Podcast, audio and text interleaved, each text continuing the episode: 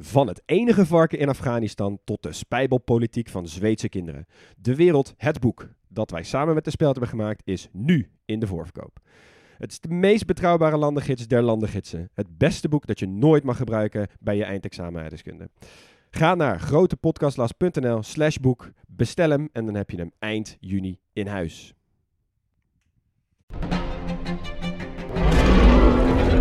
Maarten van Rossum en ik, Gijs Rademaker, nemen je mee naar de tijd van de dinosauriërs. Ja, jij vindt het gemene beesten Ik vind het gewoon eigenlijk. gemene beesten. Ja, Kijk, nou, kijk naar ze. Beesten zijn niet gemeen.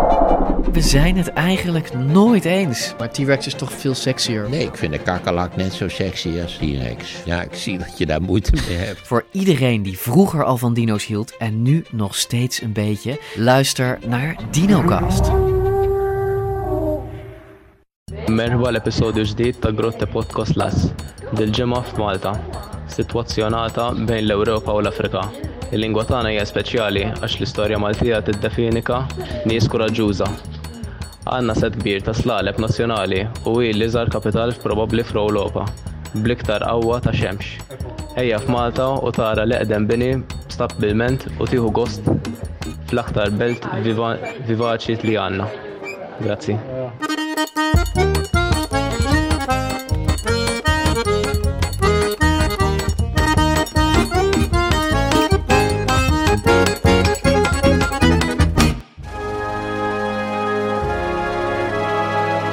Panama de brug is tussen de Amerika's, Egypte tussen Afrika en Azië en Turkije en Rusland tussen Europa en Azië, wat is dan de brug tussen Europa en Afrika? Bestaat die überhaupt? Nee toch? Eigenlijk wel zonde, maar vooruit. Als er één land is dat zich leent voor die rol, dan is het Malta. Even een rondje plaatsnamen. Il Wardija en Maghtab liggen op loopafstand van St. Paul's Bay en San Martin. We hebben dus weer te maken met een kruispunt van beschavingen. Vooral een maritiem kruispunt deze keer. Want welke grote mogelijkheid was er niet geïnteresseerd in Malta? Op Malta werd er gehandeld, om Malta werd er gevochten en in Malta liggen de overblijfselen. Wie gaat ermee schatgraven in de pracht en praal van deze eilanden? Ja, wel lachen toch? Malta. Malta. Ja, mini-staatje, eilandstaatje. Ja. Eh, ook wel eentje die ik eh, niet zo heel goed kende. Nee, volgens mij Maar- is het een van de weinige landen in Europa waar wij alle drie nog nooit zijn geweest. Ja. Zo, ja. Ja, ja. ja, en ik ben best wel jaloers geweest. Eh, we zeiden het al eh, net voor de aflevering, Leon. eh, jij had eh, de geschiedenis en de politiek en zo. Ja, Nou, daar is wel veel gebeurd. Ja, en de taal. in de taal. Ja, het, was voor mij, het was voor mij niet bepaald een klein podcastlastland. Nee. Nee. ik was dat aan het, aan het onderzoeken en hoe meer ik erachter kwam dat ik dingen moest schrappen, hoe meer ik dacht, ja, shit. dus Ja. ik heb ook geen idee hoe lang mijn hoofdstukje kan zijn. Ja, het is zeker geen met je schatje naar Malta-landje. Nee, zeker niet. Nee. nee. Ik heb altijd bij Malta wel dat idee gehad van als je daar op een kaart keek en je, je zag die plaatsnamen, wat een krankzinnige taal is dat, hè? Ja, ik Ja. had het dus helemaal niet zo, eh, zo scherp dat dat zo'n lijpe taal... Ja, ik ga er straks nog heel veel over zeggen, maar het is ook echt heel raar allemaal. Het Ja. is echt... Ja, goed. Ik kom er zo op terug. Echt een hele andere, andere taal dan anders. Maar ja, je kunt je natuurlijk ook heel goed met Engels redden. Dus eh, dat, dat scheelt. Dat maakt dat het, dat het niet zo heel erg is als je de taal nee, niet helemaal beheerst. Dat is zeker waar, ja. Ja. ja. Mooi. Dan, jongens, eh, we moeten weer eventjes een vast rondje gaan maken. En inmiddels kunnen we hier wel een soort van eh, aparte afleveringen van maken, volgens Ja, mij. echt hè? We gaan weer even wat vrienden van de show noemen. We noemen Siebe Kemkens, Martijn Hofstee, Julia Kortekaas, Jolet, One of the Best Jazz, oké, Celine Vermeer, Alwin Kroon en Gabriele Mansi. Dan hebben we ook nog Ruben, Maaike van den Berg, Mirjam, Joas Strating uit Amersfoort staat erbij. Freek, Hanna Jones, Veerle en Teun. En ook nog Marianne en Richard en Bierbuik Barry. Goed. En we hebben nog donaties gekregen van Melanie, Margriet, eh, Julia en Cornelis Smit. Heel erg Mega bedankt. bedankt. Wat een mooie aanwas. We weer. zitten inmiddels bijna op de 400 vrienden van de show, hè? Ja, tik dat Wow. eraan. Dit gaat, eh, gaat echt de goede kant op elkaar. Wel een goede zaal mee vullen, ja. Nog even hebben we meer mensen dan de hoofdstad van Malta. Ja, zo. Dat gaat snel. Lekker. Nou, dan, eh, ja, het is een kleine podcastlandland, jongens. Dus we hebben niet zoveel tijd. Dus eh, laten we beginnen met Malta. Eilandstaatje, midden in de Middellandse Zee. En we hebben na deze aflevering ook meteen al die landen gehad. Want de andere was Cyprus. Oh, Oh ja. ja. Eh, Malta ligt ten zuiden van Sicilië, ten noorden van Tripoli, hè, hoofdstad van Libië, ten oosten van Tunesië, nog zuidelijker trouwens dan Tunis, maar ook wel mooi. Ja. En grofweg ook in het oosten op één lijn dus met Kreta en Cyprus. Ja. Die liggen redelijk op één lijn. Nou, het bestaat uit een aantal eilanden waarvan er drie bewoond zijn. Eh, dus Malta, het hoofdeiland, met daar ook op de hoofdstad Valletta. Dan heb je nog Gozo en daartussenin heb je Kemuna. En het lijkt een beetje, dit is echt wel mooi. Eh, pak even Google Maps. En Malta lijkt een soort van omgekeerde versie van St. Kitts en Nevis. Ja, dit is Oh, ja. grappig dat je het zegt. Mijn broertje die zit dus nu op Saba, dus die kan zwaaien naar eh St. Kitts en Nevis. Dus ik ging eventjes met hem nog een beetje het een en ander onderzoeken. En dat is inderdaad precies die twee landjes, alleen dan een soort van gespiegeld. Ja. ja, wat dus grappig. Hier ligt de, de, de kleine ligt hier linksboven. En eh Ja. Nevis ligt rechtsonder. Ja, alleen dat dit- dat heeft St. Kitts en Nevis niet. Maar ja, ik, Ja. ik, Nee. ik dacht echt van, hé, hey, wacht dat even. kennen we Ik- ergens van. Ik denk dat dit gewoon puur toeval is. Dan de oppervlakte. Ja, Malta is natuurlijk super klein, hè? 316 vierkante kilometer. Ongeveer net zo groot als de gemeente Ede. Aantal inwoners iets meer dan een half miljoen, waarvan er nog geen 6000 wonen op de hoofdstad Valletta, in de hoofdstad. Eh, het is de kleinste hoofdstad van de EU. Maar dit is wel echt in engste zin, want inclusief voorsteden is het wel veel groter. Ja. Dus eigenlijk wat je ziet, die grote eilanden, dus Malta enerzijds en Gozo anderzijds, hebben allebei twee van die stedelijke regio's waarin eigenlijk alles aan elkaar Ja. vastgegroeid is. Ja. Eh, een van die voorsteden is dus Birkirkara en dat is ook technisch gezien de, hoofd, de grootste stad van, eh, van Malta. Ik vind Gozo trouwens, dat vind ik wel echt... Gozo? Het, het klinkt wel als een scheldwoord, toch? Hey, Ach ja, die Gozo van gisteren. ja. De valuta, de euro natuurlijk. Eh, religie bijna het hele land is katholiek. Eh, men spreekt daar Maltees, nou daar komen we nog op. En Engels. En ook twee op de drie Maltezen kan zich verstaanbaar maken in het Italiaans. De achternamen, een hele unieke lijst. Daar gaan we. Borg, Vella, Camilleri en Farrugia. Maar Wauw. Borg dus. Borg. Van die- G van- op het einde. Ja, Van Björn? Ja. eh, ik weet niet of hij er vandaan kwam. Björn Borg is een Zweed, voor zover ik weet. Ja, hij is sowieso een Zweed. Maar Ja. misschien heeft hij ook nog wel roots op, eh, op Malta. Who knows? En dan jongens, de vlag natuurlijk even twee verticale banen. Wit links en rood rechts. Met linksboven een kruis.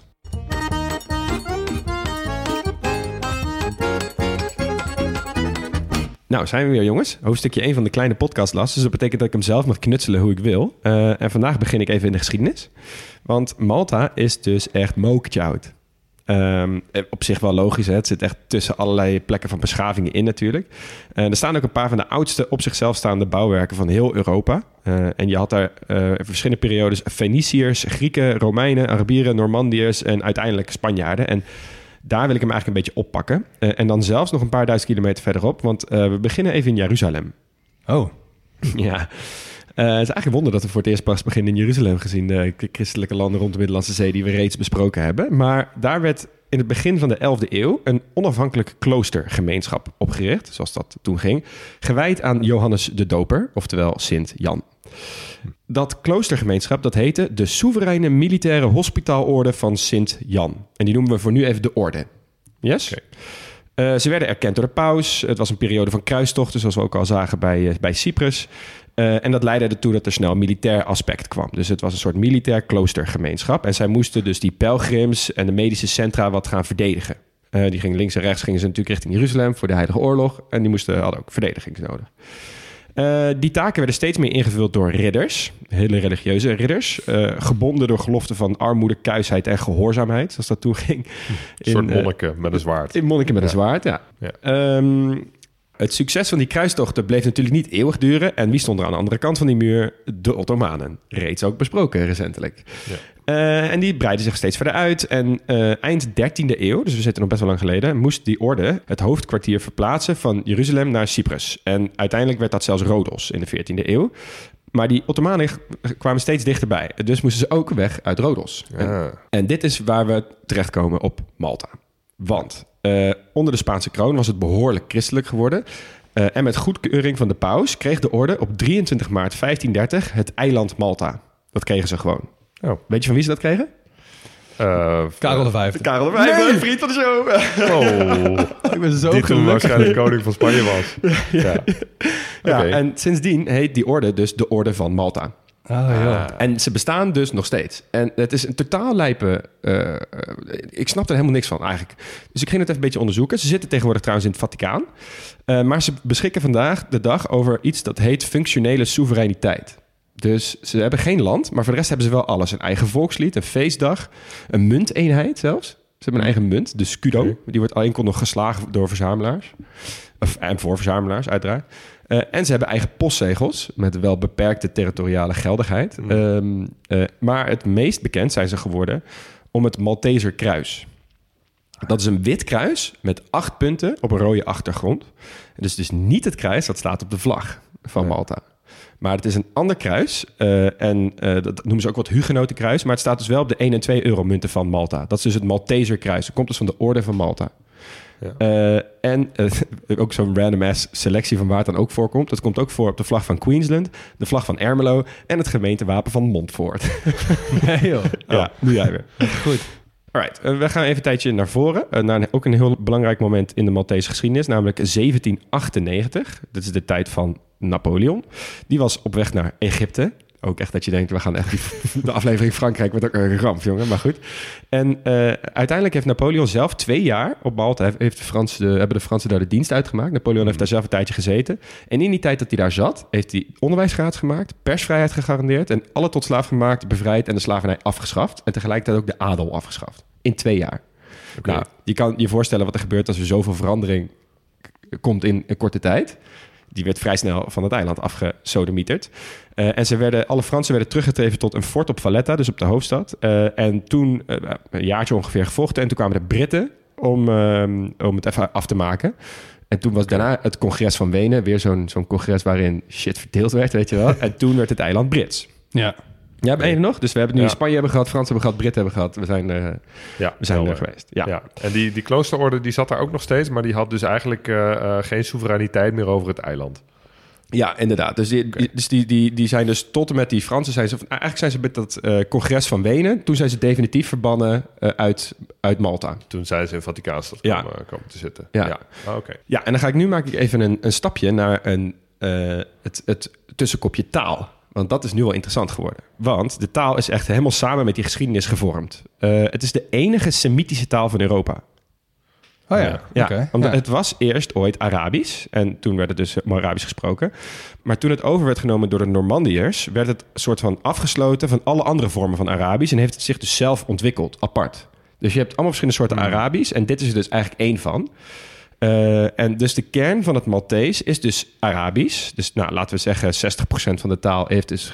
eh, Semitische eh, basis. Ja. Eh, en daarboven kwam een hele buts Italiaans. Omdat ja, ze zitten toch dicht bij Italië en ze zijn daar wel heel snel bij betrokken.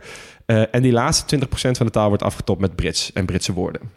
Nou, als je nog zoekt naar, een, uniek eh, naar een unique selling point, dan heb je meer wat te pakken, denk ik. Ja, dus ik ging even op eh, internet een beetje, of op YouTube ging ik even zoeken van, oké, hoe klinkt dat dan, dat Maltese? En ik kwam een guy tegen eh, die, die vertelt een verhaal in het Maltese. En je ziet allemaal andere mensen luisteren. Dit was tijdens corona. Dus mensen uit Marokko, mensen uit, uit Tunesië, maar ook Italianen en Spanjaarden. En ik laat er hier een stukje van horen. El Birah, el Ta'ait Malkogina Mary. Ia fil ministero tal justitia sociali it-temp kien sabiħ ħafna u morna sa kafe kordina. Ordnajt cappuccino u jiena ordnajt xi ħaġa. Wow, dit klinkt... Ik word hier zo schizofreen van. ja, echt hè? Ik denk echt dat ik, dat ik twintig verschillende mensen heb horen praten. Maar dit, was, dit was één gast. Ja, dus is één guy, een professor, die onder het filmpje, ik zal hem even op de website zetten, staan allemaal re- reacties als van, ja, hoi, ik ben Marokkaan, ik spreek Italiaans, maar ik versta dus letterlijk alles wat deze guy zegt. Ja, het klinkt een beetje als een soort papiamento van de Middellandse Zee. Ja, Ja. En, en iemand zei, ja, ik ben een Syriër en ik ben naar Amerika verhuisd en ik versta denk ik 90% van wat hij zegt. Joh. Dus Wow. echt, echt bijzonder. De mensen die is Esperanto alsof je, hadden alsof je een paar verschillende talen door elkaar hoort. Ja, maar je hoort ook echt Dat is Italiaanse woorden ook, en een harde. G, zeg maar, van het Ja. Arabisch natuurlijk. Ja. Nou goed, dat is eh, de taal. Dan ga ik naar het volgende mindblowing hoofdstukje, dat is de vlag. Want, nou, we hebben het al gezegd, er staat een kruis op die vlag. Maar waar komt dat kruis nou vandaan? Nou, dan gaan we dus weer terug even de geschiedenis in, naar 1940, Tweede Wereldoorlog. Malta was, zoals je goed kon begrijpen, mega strategisch. Want Ja. ja, precies tussen Duitsland, of eh, precies tussen Europa en Noord-Afrika. Nou, Duitsers die wilden heel graag richting Noord-Afrika om dat allemaal eh, over te nemen. Die wilden richting eh, Iran Ja. en dat was- vonden ze een hele snelle route. Ja. Suezkanaaltje erbij. Suezkanaal Maar het was erbij. nog Brits. Dus. Het was absoluut nog Brits, Ja. zeker. Dus eh, het beleg van Malta was eh, van 1940 tot 1942 eigenlijk constante zware luchtaanvallen van de Duitsers en de Italianen. Eigenlijk in een poging om die marine- en luchtmachtbasissen die al op het eiland zaten uit te schakelen. En Churchill noemde het eiland een onzinkbaar vliegdekschip. Nou, dat, dat vond ik wel echt een hele mooie vergelijking. Zo. En eh, Rommel, de, Erwin Rommel, de Duitse tankcommandant, eh, bekend voor zijn tactieken, die zei: Als we Malta niet overnemen, kunnen we Noord-Afrika wel vergeten. En uiteindelijk heeft hij dus daar ook gelijk in gehad. Er ging dus zoveel tijd, moeite, wapens, bommen, alles ging richting Malta, dat ze dus te weinig uiteindelijk ook naar de overkant hebben kunnen brengen. Ja. Ehm, ja, en ja, uiteindelijk heel blij dat de nazi's dat allemaal niet hebben overgenomen. Maar goed, maar twee jaar lang waren er dus bombardementen, grote voedseltekorten en steeds weer moest die bevolking onderduiken. Ehm, maar zij bleven de geallieerde zaak steunen en dus eh, bleven ze gewoon moedig ja, stand houden. En met succes, want eh, in 1942 verschoof dat strijdveld een beetje in de rest van Europa. En eh, de rest van de oorlog bleef Malta redelijk goed gespaard. En toen gebeurde er iets moois, want als erkenning voor hun dapperheid en uithoudingsvermogen... eh, besloot de toen koning George VI van, eh, van Engeland... om hen het George Cross toe te kennen.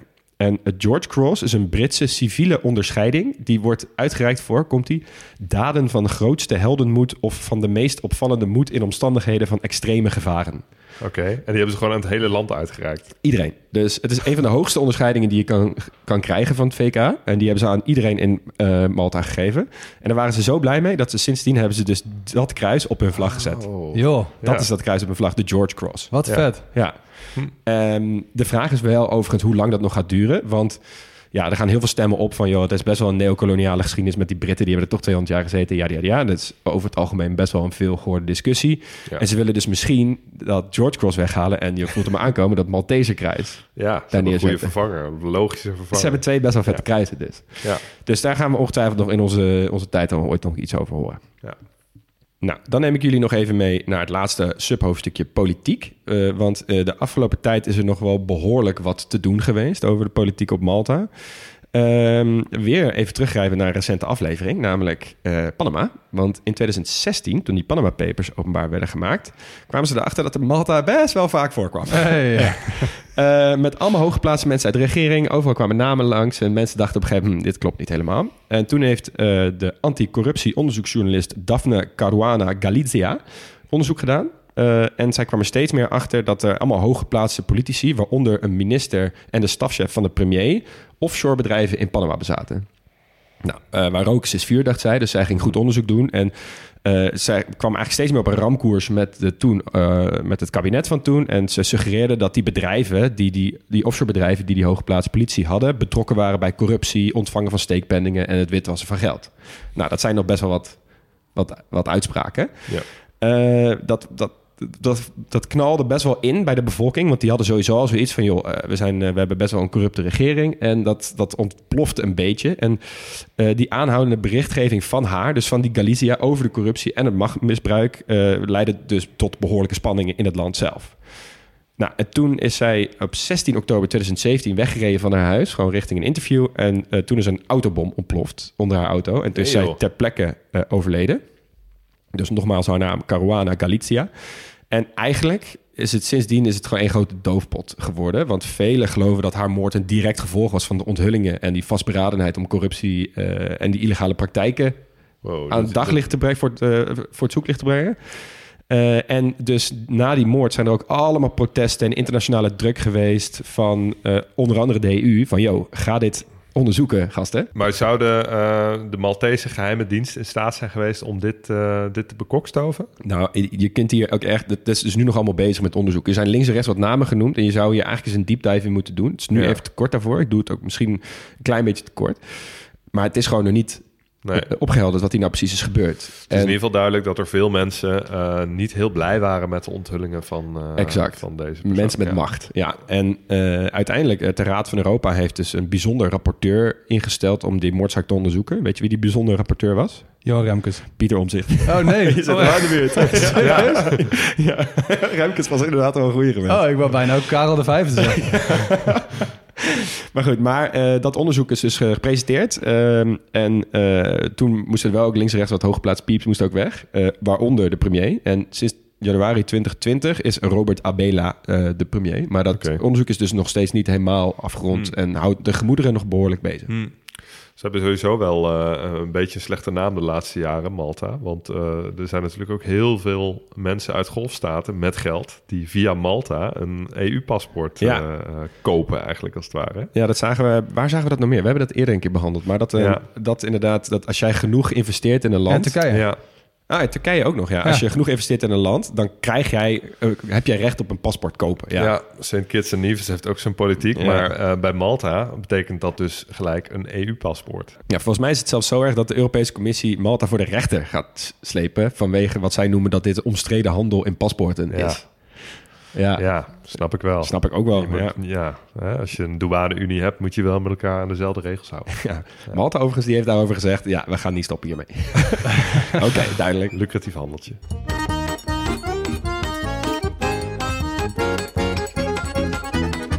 Hey, voor de fysische geografie van Malta gaan we vandaag even niet hebben over die zieke plaattectoniek van de Middellandse Zee. Want daarvoor kun je terecht bij de afleveringen Armenië, Cyprus en Turkije. Dus ga qua platen maar even uit van de situatie zoals die nu is. Dus we gaan even kijken naar het speelveld dat die bewegende platen hebben opgeleverd. Eh, want Malta is natuurlijk een eilandengroep. eh, vertoont qua geologie en fysische geografie meeste gelijkenissen met grote broer Sicilië. Ja, oké. Sterker nog, die twee lagen vroeger aan elkaar. En dus ook vast aan het Italiaanse vasteland. Eh, die worden omringd door een soort van plateau in de Middellandse Zee van nog geen 100 meter diep. Eh, dus wat dat betreft is het echt de scheiding tussen het westelijke en het oostelijke deel van die Middellandse Zee. Daartussenin ligt dus een soort van ondiep plateau. Daar ligt Malta dus ook op. Oh ja. Nou, die lagen dus allemaal aan elkaar, hè, Sicilië en Italië. Eh, en wat betekende dat? Dat heel veel dieren zich ook konden verplaatsen naar die eilanden toe. Oh. Ja. Maar er waren nog geen eilanden. Tot 12.000 jaar geleden. Eh, toen was het einde van de ijstijd. En toen steeg ook de zeespiegel. Eh, en zaten dus die beesten gevangen. nou, oplettende luisteraar hoort hier bijvoorbeeld ook een geschiedenis van Australië in. Ja, of eh, dat ene slangeneiland bij Brazilië waar we het over hebben gehad. Ja, precies. Ja. Nou, nou neem ik jullie even twee, twee mooie begrippen. Ehm, twee zijden eigenlijk van dezelfde medaille. Dwergvorming en eilandgigantisme. Oké. In het Engels noemen ze dit eh, insular dwarfism en insular gigantism. Eh, en beide zijn heel zinvol om bij Malta te bespreken. Dus daar gaan we. Eh, het idee is in ieder geval hè, dat de evolutie best een rare, vreemde draai krijgt... als die habitat van die diersoort ineens verandert in een eiland. Nou, dat is hier dus gebeurd. en wat doen die beesten dus? Die, die passen zich aan, een soort van, aan hun leefomgeving. En dat werkt dus twee kanten op. Sommige soorten worden heel groot en andere worden heel klein. Ah, Dus eerst even de kleine. Eh, sommige van die hele grote dieren, over het algemeen, die hebben dan heel veel natuurlijke vijanden, maar die zijn er ineens niet meer. Dus dan is het veel efficiënter om gewoon klein te zijn. Want minder schaars voedsel nodig. eh, en groot is bijvoorbeeld ook best wel chill als je lange afstanden moet afleggen over land. Maar ja, je woont op een eiland, dus dat hoeft niet meer. Eh, dus Malta had bijvoorbeeld het Maltese dwergnelpaard. Sicilië had ook een dwerg, dwergnelpaard. Nee joh. Die was dus wel nog iets groter dan die van Malta, maar die van Malta was echt super klein. wow, ik vind het sowieso al bizar dat dus op het vasteland van eh, Italië nijlpaarden leven. Ja, die zijn helemaal omgelopen, denk ik. nou, dan het grote, eh, de grote kant op. En daar zijn wetenschappers het wat minder over eens. Maar het wordt eigenlijk wel gezegd dat als je bijvoorbeeld een klein muisje bent op een eiland... dan word je niet meer zo snel achterna gezeten door grote roofdieren. En dan heb je er dus ook niet zoveel meer aan... dat je in allemaal kleine hoekjes en gaatjes kunt kruipen. Dan kun je net zo goed wat groter worden. Dus ook dat was op Malta aan de hand. Een soort reuzenmuis? Ja, je had serieus echt een supergrote muis. Die was net zo groot als een kat ongeveer. Nee joh. Ja, dus beide vormen heb je echt al eh, op Malta gezien. Wat vet. Nou, kijk je dan wel allemaal naar die voorbeelden, dan, dan is het allemaal wel op relatief kleine eilanden. Eh, dus in het Caribisch gebied zijn er veel. Eh, Jamaica, Puerto Rico, dat soort eilanden. En de omgeving Middellandse Zee scoort is ook wel hoog. Dus ook de Balearen, waar eh, Ibiza en, eh, en Mallorca onderdeel van zijn. En even, dit speelde zich allemaal dus wel af voordat de mens kwam. Hè? Dus de meeste van die soorten, die hebben het ook niet gered. Ja, ik, ik had inderdaad bij in Cyprus heb je dat ook. volgens mij hebben we dat niet besproken, maar heb ik dat wel tegengekomen in mijn onderzoek. Had Ja. je ook dit soort beestjes, zeg maar, en Ja. beesten. Dat je echt dacht, oké, dit is, dit is, dit is, totaal raar. De, de Ja. reuzen iets en de dwerg iets Ja, altijd. Nou, wat het dan destijds wel heeft overleefd, eh, zijn de gebouwen op Malta. En eh, daar begint ook even het stukje van toerisme. Eh, dit kun je natuurlijk ook wel op wel veel landen plakken natuurlijk, hè, dat die gebouwen heel oud zijn. Maar zoals jij al gezegd hebt, Leon, op Malta vind je de oudste vrijstaande gebouwen van de hele wereld zelfs. Is, het is vele lijstjes, Wow. vele meningen. Hè? Ja. Dus het is een beetje moeilijk om daar een sticker op te plakken. Maar deze komt wel heel vaak naar boven.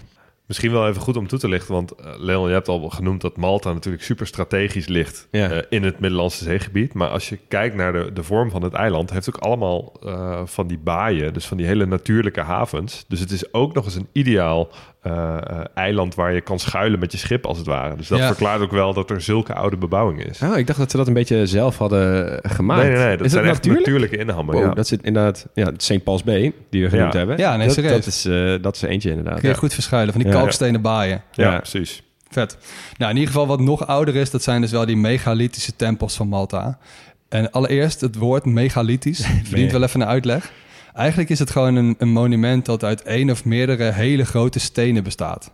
Dus Stonehenge. Stonehenge, hunebedden, dat soort dingen. Het zijn ja, allemaal megalithische bouwwerken. Klinkt als een beetje als het, het goede broertje van Megamindi. Megalithisch. Megalithisch, ja. Ja, en Malta dus ook. Die, die dingen zijn daar dus veel ouder dan ook Stonehenge en zo. Eh, de oudste die zijn van Gigantia, oftewel de giganten. Eh, die zouden ook door reuzen zijn gebouwd. Nou, Uiteraard. eh, geschat zijn, wordt wel dat ze gebouwd zijn vanaf de periode die ongeveer begon vanaf 3600 voor Christus. Oeh, Dus heb je het echt over super oud. Ja, Nou, het is eigenlijk een soort van op zichzelf staand complex. Dus niet echt een hoop stenen, wat je ook nog wel eens ziet in die categorie. En het wordt ook wel gezegd dat het een tempel was voor de verering van de vruchtbaarheid van de mens. En als je dan toch lekker in je tempel zit, nu even een ondergrondse. Het hypogeum van Hal Saflieni. Eh, een hypogeum verdient ook even een kleine definitie. Eigenlijk is dat een ondergrondse ruimte voor geloofsrituelen en begrafenissen. Dus eh, echt zo'n eh, zo'n plek waar je dus kunt afdalen en zien nou ja, wat ze daar vroeger altijd allemaal deden. Maar als je denkt dat je daar even met, met z'n allen kunt gaan rondbanjeren... het gaat alleen in hele kleine groepen en je moet ver van tevoren reserveren. Want het zijn hele kleine ruimtes. ja. Nou, dit zijn niet in ieder geval de, de eh, twee enige hele oude bouwwerken. Eh, als je naar Malta gaat, kun je de hele dag verdwalen in allemaal historisch waardevolle plekken. En vergeet dan ook niet om eventjes langs de oude hoofdstad Medina te gaan. Nou, Malta is natuurlijk een eilandstaat, hè, dus het, het water is nooit ver weg. Eh, dus je hebt de hele ondiepe zee, plus hele militaire geschiedenis. Wat krijg je dan? Ja, het snorkelen naar eh, gezonken. Ja, Ja, en ja. vliegtuigen en alles wat er meer is Malta is super goed voor wrakduiken. En ook als je, als je relatief onervaren bent, dan kun je dat dus ook doen. Hm. Dus eh, de HMS Maori ligt daar, een Duits schip dat daar gezonken is. En daar kun je dus relatief makkelijk heen. Wacht even, een Duits schip, dat heet de HMS Maori. Ja, Oké, andere tijden. die waren er ook vroeg bij. ja, niet, niet zoveel kolonies als we hadden eh, willen hebben, dan noemen we ze wel gewoon naar de Maori. Ja. Ja. nou. En op, op land is het natuurlijk ook mooi hè, om gewoon eh, rond te rijden. Hele schattige dorpjes te kijken. Eh Marsakslok schijnt een heel mooi, schattig vissers, vissersdorpje te zijn. Met allemaal van die dobberende, felgekleurde bootjes in de haven. Ja, ja. Die noemen ze dan Luzu. Maar eh, wat wel grappig is, als je die foto's opziet, opzoekt van dat dorpje, Marsakslok... eh, dan, dan zijn al die foto's allemaal vanaf het water genomen. En dan zie je dus al die bootjes daar liggen.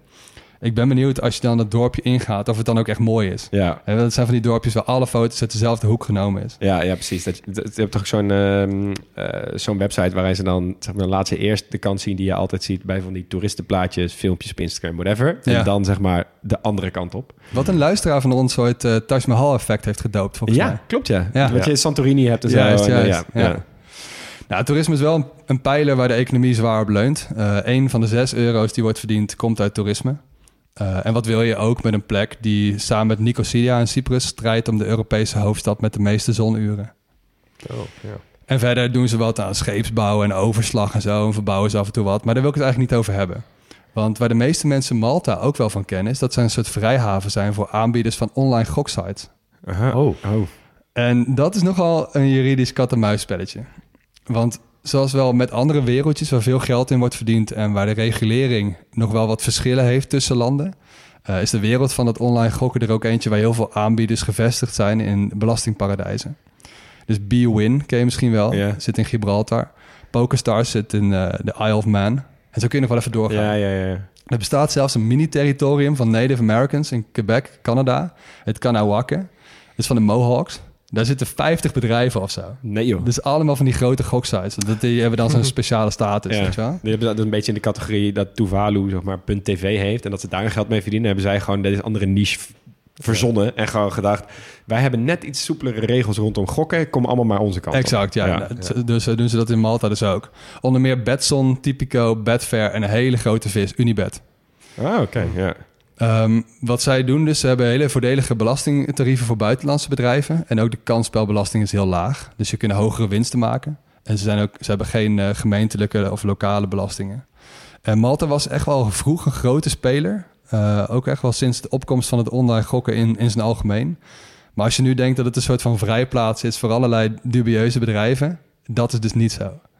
Want je hebt daar de Malta Gaming Authority, een beetje de kansspelautoriteit van hier. Die zijn super streng op dingen als privacy, dubieuze eigenaren, eh, de financiële gezondheid van die bedrijven. Dus je komt daar niet zomaar tussen. Ja, ik dacht al even niet zo goed te begrijpen waarom ze eh, bij de Europese Unie zitten, zeg maar. Als ze, Ja, Als ook dit al, al dit soort regels aan de laag, laars lappen. Maar dat doen ze dus niet. Nee, ze, ze hebben gewoon een gunstig belastingklimaat. Maar het is niet alsof ze allemaal hele dubieuze sites binnenlaten. Mhm. Ik wilde ze bijna het Monaco van de Middellandse Zee noemen, maar dat, dat gaat niet helemaal op. Nee, nee, nee. Monaco heeft toch wel andere regels. Ja. En ligt ook aan de Middellandse Zee. Ook dat, ja.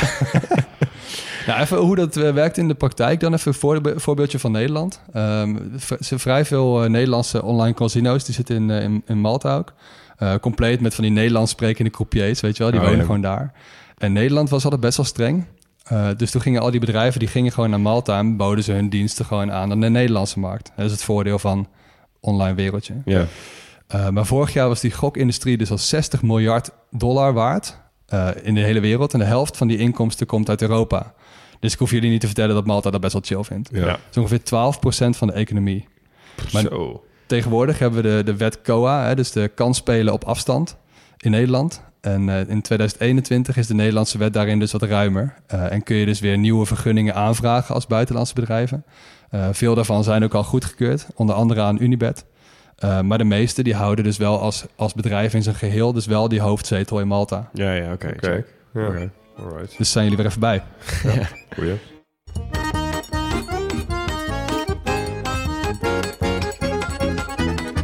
Laatste hoofdstukje, jongens. Uh, kunst. En we beginnen even bij film. Um, niet dat de Maltese filmindustrie nou zo bekend is. Integendeel zelfs. maar uh, op Malta zijn wel veel beroemde films en series opgenomen. Um, scènes uit Game of Thrones zijn er opgenomen. Uh, belangrijke scènes van Gladiator, Troy. Uh, en zelfs uit Munich, die film over het gijzelingsdrama op de Olympische Spelen van 1972, Echt? waar we het uh, in de aflevering Duitsland, over hadden. Ja. ja, dat dacht ik ook. Huh? Wat moet je dan daar opnemen? Ja, ze hebben dat vliegveld op een gegeven moment, toch? En het vliegtuig dat gaat dan weg. Volgens misschien is dat het. Ja. Lang geleden dat ik die film heb gezien. Maar... Waarschijnlijk is het vliegveld van München te druk om dat te doen. hebben ze het daar wel gedaan. Misschien is dat het. Um, maar goed, de film die letterlijk de meeste sporen heeft nagelaten op Malta is de speelfilm Popeye uit 1980. Uh. Is daar een speelfilm van? Ja, daar is een speelfilm van gemaakt. Um, en in een van die vele baaien op Malta werd namelijk voor die hele film dat hele vissersdorp uit de stripreeks nagebouwd. Echt?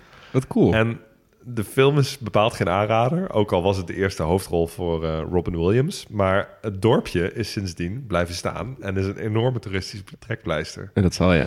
Dus dat is echt een, een soort stripachtig uh, dorpje wat daar is gebouwd. Um, dat is een klein attractieparkje geworden. Mensen lopen daar rond in kostuums uh, van Popeye, Olijfje en die andere ho hoofdrolspelers. Weet je, weet je in de Bad Guy weer? Die is dat Brutus of zo? Ja, ja, Brutus volgens mij inderdaad, ja. Of Boris ja, of zo. Wel zoiets. Zoiets, ja. ja. Iets met een B. Een, een boef met een B. Oh, ja. nou, een soort klein Disneyland dus. Uh, maar goed, echt Maltese is het natuurlijk niet. Dus um, over naar de kunst die echt uit Malta zelf komt. En dan wil ik het met jullie vooral hebben over de Maltese muziek. Die is niet zo bekend buiten Malta ook. Um, waarschijnlijk zijn de meesten van ons nooit verder gekomen dan uh, de Maltese inzendingen voor het Eurovisie Songfestival. Classic. En om eerlijk te zijn, de beroemdste muzikanten uit Malta hebben daar ook eigenlijk allemaal wel minimaal één keer aan meegedaan. Uh, Oké. Okay. Want dat krijg je op zo'n eiland, hè? Ja. Dus als je de Songfestival inzendingen van Malta ziet, dan heb je best een aardige beeld van de lokale popmuziek. Um, vier keer in de top drie geëindigd, niet gewonnen, maar toch lang niet slecht. Um, ik heb die, uh, die nummers beluisterd. ik werd er eerlijk gezegd niet zo heel warm van. um, uh, Als jij dat ik, zegt, ik ga jullie er eentje laten horen van uh, Ira Losco. Die werd in 2002 tweede namens Malta met het nummer Seventh Wonder.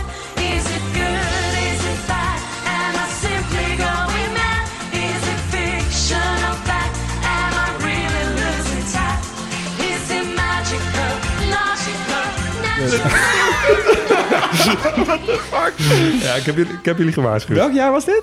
2002. Wat? Hoe? Klinkt een beetje als een Britney Spears wannabe of zo. Maar zij is, Dat is jury zij, is, eh, zij is nog steeds wel heel, eh, heel groot op Malta. Eh, nog steeds een, een bekende artiest. Ze was toen heel jong. Ja, Ehm Maltesers zijn sowieso wel dol, dol op eh, songfestivals. Eh, ze organiseren ieder jaar ook een eigen nationale songfestival. Eh, dat is niet zoals in Nederland een soort voorronde voor het Eurovisie Songfestival, maar echt een, een op zichzelf staande prestigieuze wedstrijd. Nou, als dit, als dit als winnaar eruit komt, dan wil ik best wel twijfelen aan die titel van prestigieus. Eh, ja, goed. Ze vinden het zelf heel belangrijk. Even iets eh, dieper in de muziek dan alleen de popmuziek. Ehm, de popmuziek wordt vooral in het Engels gezongen, eh, maar Malta kent hele bijzondere volksmuziek in de eigen taal. De Maltese taal is sowieso altijd de taal van het gewone volk geweest. Ehm, het was altijd een, een vooral gesproken taal. De, de taal van de literatuur was bijvoorbeeld altijd Italiaans. Sinds de onafhankelijkheid is er een enorme herwaardering gaande voor de lokale taal en dus ook voor die lokale volksmuziek in het Maltees. Die volksmuziek die wordt Ghana genoemd. Ik begin heel even met, eh, met een stukje instrumentaal. Ehm, en daar hoor je vooral heel veel gitaren. Soms zit er ook een tamboerijn in of een, eh, of een accordeon. Maar de gitaar is echt wel het belangrijkste begeleidende instrument in de Maltese muziek.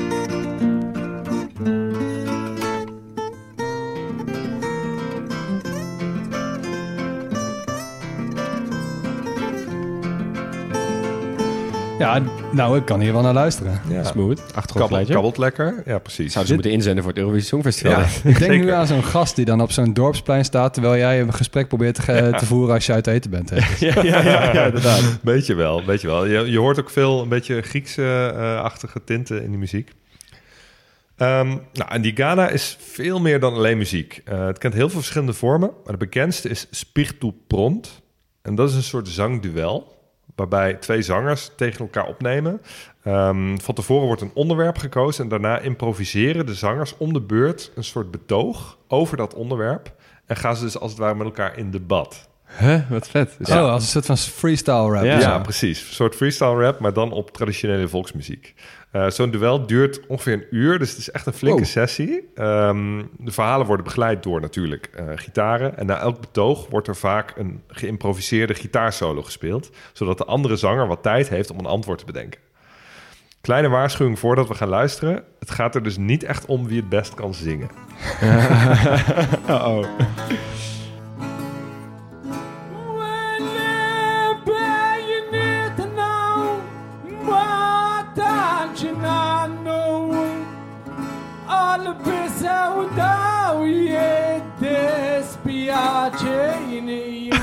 Dit mag ik toch niet uitzenden? Is Malta ook zo'n land met veel straatkatten, of niet? Oh, ja. Ik wou, ik wou Die op, een- die op een staart getrapt worden. ja. ik moet ineens heel erg denken aan de band Katzenjammer, om Ja. een of andere reden. Ja, maar ik- maar- Het is wel slim dat hij een redelijk laag tempo zingt. Want dan heb je meer tijd om te bedenken. Ja, klopt. ja. dus tot zover de, de vergelijking met freestyle rap. Ehm, Eminem is hier niet van onder de indruk. Nee. Nee, nou, jullie hebben een paar mooie toevoegingen aan de grote popadlas aan mij te danken, jongens. Ik ben benieuwd hoeveel volgers we gaan kwijtraken. Ik ga hem niet meer op shuffle zetten, dat weet ik wel. Ehm, nou, Maltesers zijn dus dol op allerlei vormen van muziek. Ehm, dus het is niet verwonderlijk dat er in Malta ook echt een hele grote clubscene is. En de belangrijkste uitgaanswijk is Pachuville. Je schrijft het als Paceville, maar je spreekt dus uit Pachuville. Dus een wijk in St. Julians, eh, iets ten noorden van Valletta. En ja, het gaat er echt wel redelijk los. Super superveel pubs, bars, clubs, ook stripclubs trouwens. Het staat ook wel bekend als de Sin City van Malta. Oh ja. Ehm, ook wel een tikkeltje fout dus. Maar ja, we zitten nou eenmaal op een eiland in de Middellandse Zee... met een grote aantrekkingskracht op jongeren uit heel Hoort er Europa. een beetje bij. Wie doet Ja. je wat? En, en heel veel Britten. Ja, ja, inderdaad. Uitgaan op Malta lijkt een beetje op uitgaan in Groningen. Je begint heel laag en eh, je gaat door tot vroeg. Er is ook een hele grote eh, LHBTIQ plus scene eh, op Malta. Dus voor een breed publiek is het goed clubben daar. Lekker. Ehm, als je op zoek bent naar wat hogere cultuur... dan moet je naar Teatro Manuel. Theater uit 1732. En daarmee op twee na oudste theater van Europa. Oké. Uh, je hebt daar veel theatervoorstellingen, maar ook veel klassieke muziek. Daar zijn ze wel goed in op Malta. Um, uh, ze hebben een goeie, goed symfonieorkest bijvoorbeeld. En Joseph Galega, dat is een, uh, een hele beroemde opera-tenor uit Malta. Hij gaat geen stukje laten horen. Ga ik niet laten horen. hey, de keuken. Um, teleurstelling 1. Maltesers komen niet uit Malta? Maltesers komen niet uit Malta. dus de, die chocoladebolletjes, helaas. Ehm, maar ja, verder. Een eiland in de Middellandse Zee. Culturele invloeden uit alle windstreken. Wat wil je nog meer? Het is, eh, ja, je kunt misschien zien, het is de iets exotischere versie van de Italiaanse keuken. Eh, vleugjes van alle andere keukens aan de Middellandse Zee. Zij hebben in, Ehm, in, zeg maar, in theorie hebben zij de beste keuken van de wereld. Ja, Als je zeg maar, je- je- zij zouden een soort antipasti mezze kunnen maken. ja, behalve Ja. dat je er ook Britse invloeden hebt. Oh, ik het. Met shepherd pie. De, de, de HP-saus die staat altijd op tafel en eh worcestersaus wordt, wordt veel gebruikt. Dat hoeft niet per se slecht te zijn trouwens, Nee. maar dat maakt, geeft het wel weer een gek tintje. Oh, dit is echt... Oh. Typisch Maltese gerecht is een pastis, meervoud pastizzi. Dat is een soort pastijtje eh, van filodeeg met een vulling van ofwel ricotta ofwel erwten. En aan de manier waarop het filodeeg is gevouwen kun je zien met welke vulling je te maken hebt. Als er bolletjes in zitten, dan is het echt... Het woord pastizzi wordt op Malta ook gebruikt om het vrouwelijk geslachtsorgaan aan te duiden. Dus dan weet je ook ongeveer hoe zo'n pastijtje eruit ziet. Ze hebben wel wat met, eh, met vruchtbaarheid in dat land, man. Eerst die tempels en nou dit. Ja, dat klopt. Eh, verder wordt er op Malta opvallend veel konijnenvlees gegeten. Eh, ja, daar maken ze een stoofpot van. Dat heet stufat al fenek. Dat wordt vaak gezien als het nationale gerecht. Is, dat- Ehm, is konijn een van die dieren die heel groot zijn geworden nadat ze Nou, eiland zijn geworden? eh, Ook een parallel met Australië. Nee, want ze komen er van origine niet voor, maar de Phoeniciërs, Ja. volk uit de Levant, die hebben ze er eh, naartoe gebracht. En sindsdien is de populatie geëxplodeerd. Ja, Want- altijd ja, met konijnen. precies. Australië inderdaad. Ja. Ja. Maar ze eh, eten het samen met tomaat, wortel en aardappel en dan stoven ze het in rode wijn. Dus een soort konijn in wijn. Met wortel. Stel je voor dat je gekookt wordt in je eigen lievelingseten. Ja, dat is wel een beetje wrang, hè? Ja. Daar heb ik nooit zo over nagedacht. Maar goed. Ik vond trouwens de, Jap- de eh, Franse vertaling lapin au vin ook wel mooi. Rij- Ruimt beter dan coq au vin. Maar goed. Zo, inderdaad. Hey, eh, dan tot slot, sport. Voetbal is de nationale sport. Maar ja, daar maken ze natuurlijk internationaal eh, helemaal geen pepernoot van. Dus juichen ze keihard voor zowel Engeland als Italië. No joke. Oh ja, En- dat zal ja. Het is maar net hoe het uitkomt. Dus ze kunnen altijd op twee paarden wedden. Eh, maar het is echt feest op straat als een van die teams winnen. Dus het is niet zoals wij af en toe voor België zijn als wij, als wij er al uit liggen. Maar het is echt serieus. Het is ook niet alsof ze de kolonisator dan met pek en veren eruit hebben gejaagd dan. Ik bedoel, nee, ook ja. niet. Nee. Ze hebben nog steeds die George Cross hè, op de vlag zitten. Dus, ja, eh, natuurlijk. En Afrika Cup kunnen ze ook juichen voor Tunesië dan. Ja. zeker. Ja. Ja. ik weet niet of ze dat doen eigenlijk. Olympisch gooien ze ook geen hoge ogen. Nooit een medaille. Ehm, maar daar hebben ze samen met wat andere kleine Europese landen wel wat op gevonden. Eh, die Games of the Small States of Europe. Tuurlijk. Eh, dat is al te lang geleden dat we zo'n eh, obscuur toernooi Ja. hebben behandeld. Welke acht andere landen doen mee? San Marino, Ja. Liechtenstein, Ja. Andorra, Ja, Cyprus? ja. Was dat niet dat toernooi waar Vaticaanstad graag aan mee wil doen? Dat, dat zou wel eens kunnen, ja. Maar ze doen er niet aan mee, nog. Montenegro? Heel goed. Moldavië, is dat al een... Nee, Moldavië niet. Maar verder heb je nog Monaco. Heb je niet genoemd. Ah ja. Ehm, IJsland. eh, maar die doen ook gewoon mee aan het WK. Ja, Ja. maar ja, ook, ook Ja, maar maar goed. 300.000 inwoners dus. En Luxemburg. Mm. Ja. Oké, oké, oké, oké, oké, fair. IJsland, Cyprus en Luxemburg die eh, vormen de top drie van de medaillespiegel. Malta staat vijfde met 419 medailles in totaal. Ja, dat, dat soort spelen lopen dan ook altijd meteen totaal uit de hand. Ja. Want ja, er doen maar negen landen mee. Dus, Dus nu wel gewoon haal je wel eens een 100 medaille. sporten. Ja. Ja. Dus elke het familie, heeft organiseren in zo'n, 2003. elke familie heeft thuis zo'n kruis hangen. En zo'n van- en zo'n medaille. En een medaille, ja, waarschijnlijk. Op Malta zijn ze behoorlijk fanatiek trouwens verder met, eh, met waterpolo en ook met paardenracen. Dat vind ik altijd bijzonder, want ik weet niet zoveel van paardenracen, maar wel dat je er een moeilijk lange renbaan voor nodig hebt. ja. Eh, dat leek me lastig op Malta, maar niets is minder waar, want in Marsa, een van die, van die wijken eigenlijk van Valletta, lag zelfs eh, een van de langste renbanen van Europa, 2,8 kilometer. ja, het is maar je prioriteit stelt, hè, op je Precies, eilandjes. Ja. Eh, de bekendste lokale sport is bocce, met dubbel C. Oké. Ehm, bocce is een soort jeu de boule. Eh, je moet dus beurtelings een bal zo dicht mogelijk bij, bij het doel krijgen, de jack, eh, het mikpunt. Ehm, je gooit met verschillende soorten ballen. Ieder team heeft drie ronde ballen, die qua formaat lijken op een biljartbal. En daarnaast heb- heeft ieder team acht cilindrische ballen, een beetje in de vorm van een conserveblik. Die zijn ook Ah, echt massief, vrij zwaar. Dus die rollen dus niet veel verder dan waar- van de plek waar ze neerkomen. Dus daarbij is het meer gooien dan rollen. Nou, je scoort punten voor iedere bal die dichter bij de jack ligt dan de dichtbijliggende bal van de tegenstander. Dus dat is vrij straightforward. En als je 21 punten hebt, dan win je. Chill. En ja, ik vind dit soort sporten altijd heel chill. Want je hebt niet veel materiaal nodig. Je kan Eh, altijd ouwe hoeren. Precies, desnoods speel je met een, met een, met een dennenappel. Het Ja. kan op iedere ondergrond. Je hebt tijd om te ouwe hoeren, biertje drinken. Ja. Ja, ik ben wel fan. Hadden we niet ook bij Tunesië gezegd dat wij eh, groot voorvechter zijn van meer eh Joe de Boel in het Nederlandse openbare leven? Dat zou me niks verbazen, want ik, ik, het is inderdaad zoals u gezegd, het perfecte. Je kan gewoon in de rechterhand een bal en in de linkerhand een biertje. Je bent gewoon aan het ouwe hoeren met elkaar. Ja, Ja, ik snap wel waarom die Jeu de, Perfect. Jeu de, Jeu de Boel barren in Nederland overal als paddenstoelen uit de ik grond wel, schieten. ja. Ja. Ja.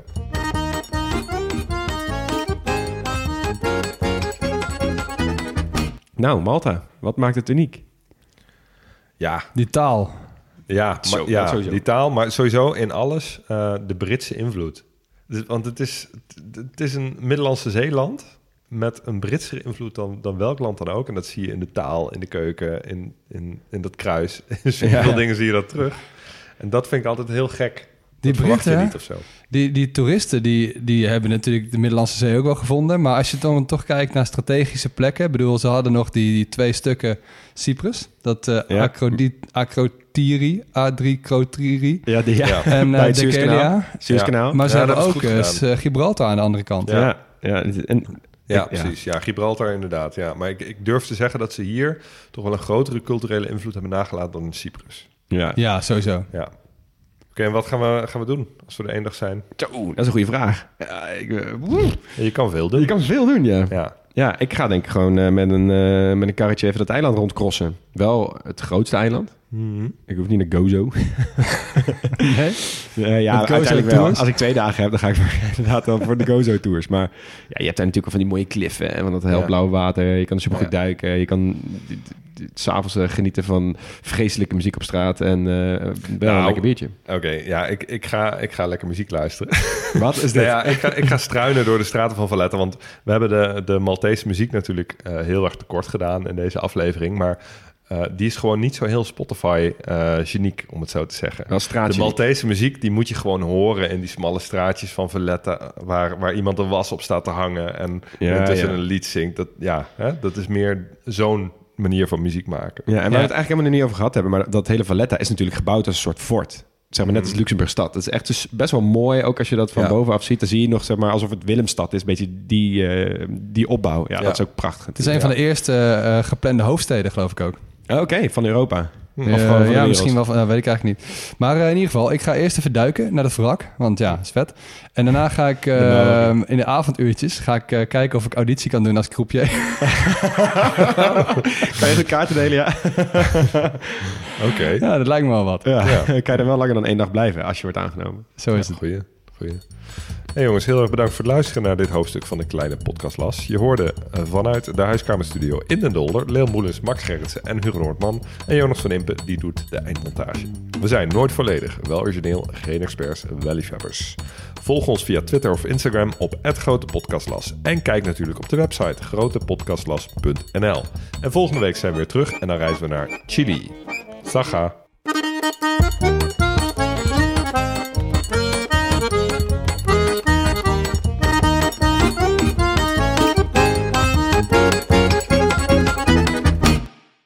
Luisteraar, luister je nog steeds? Klasse man, je hebt er gewoon helemaal afgeluisterd. Nou, nu je tot hier bent gekomen, koop dan ook gelijk even ons boek hè. grotepodcastlas.nl slash boek.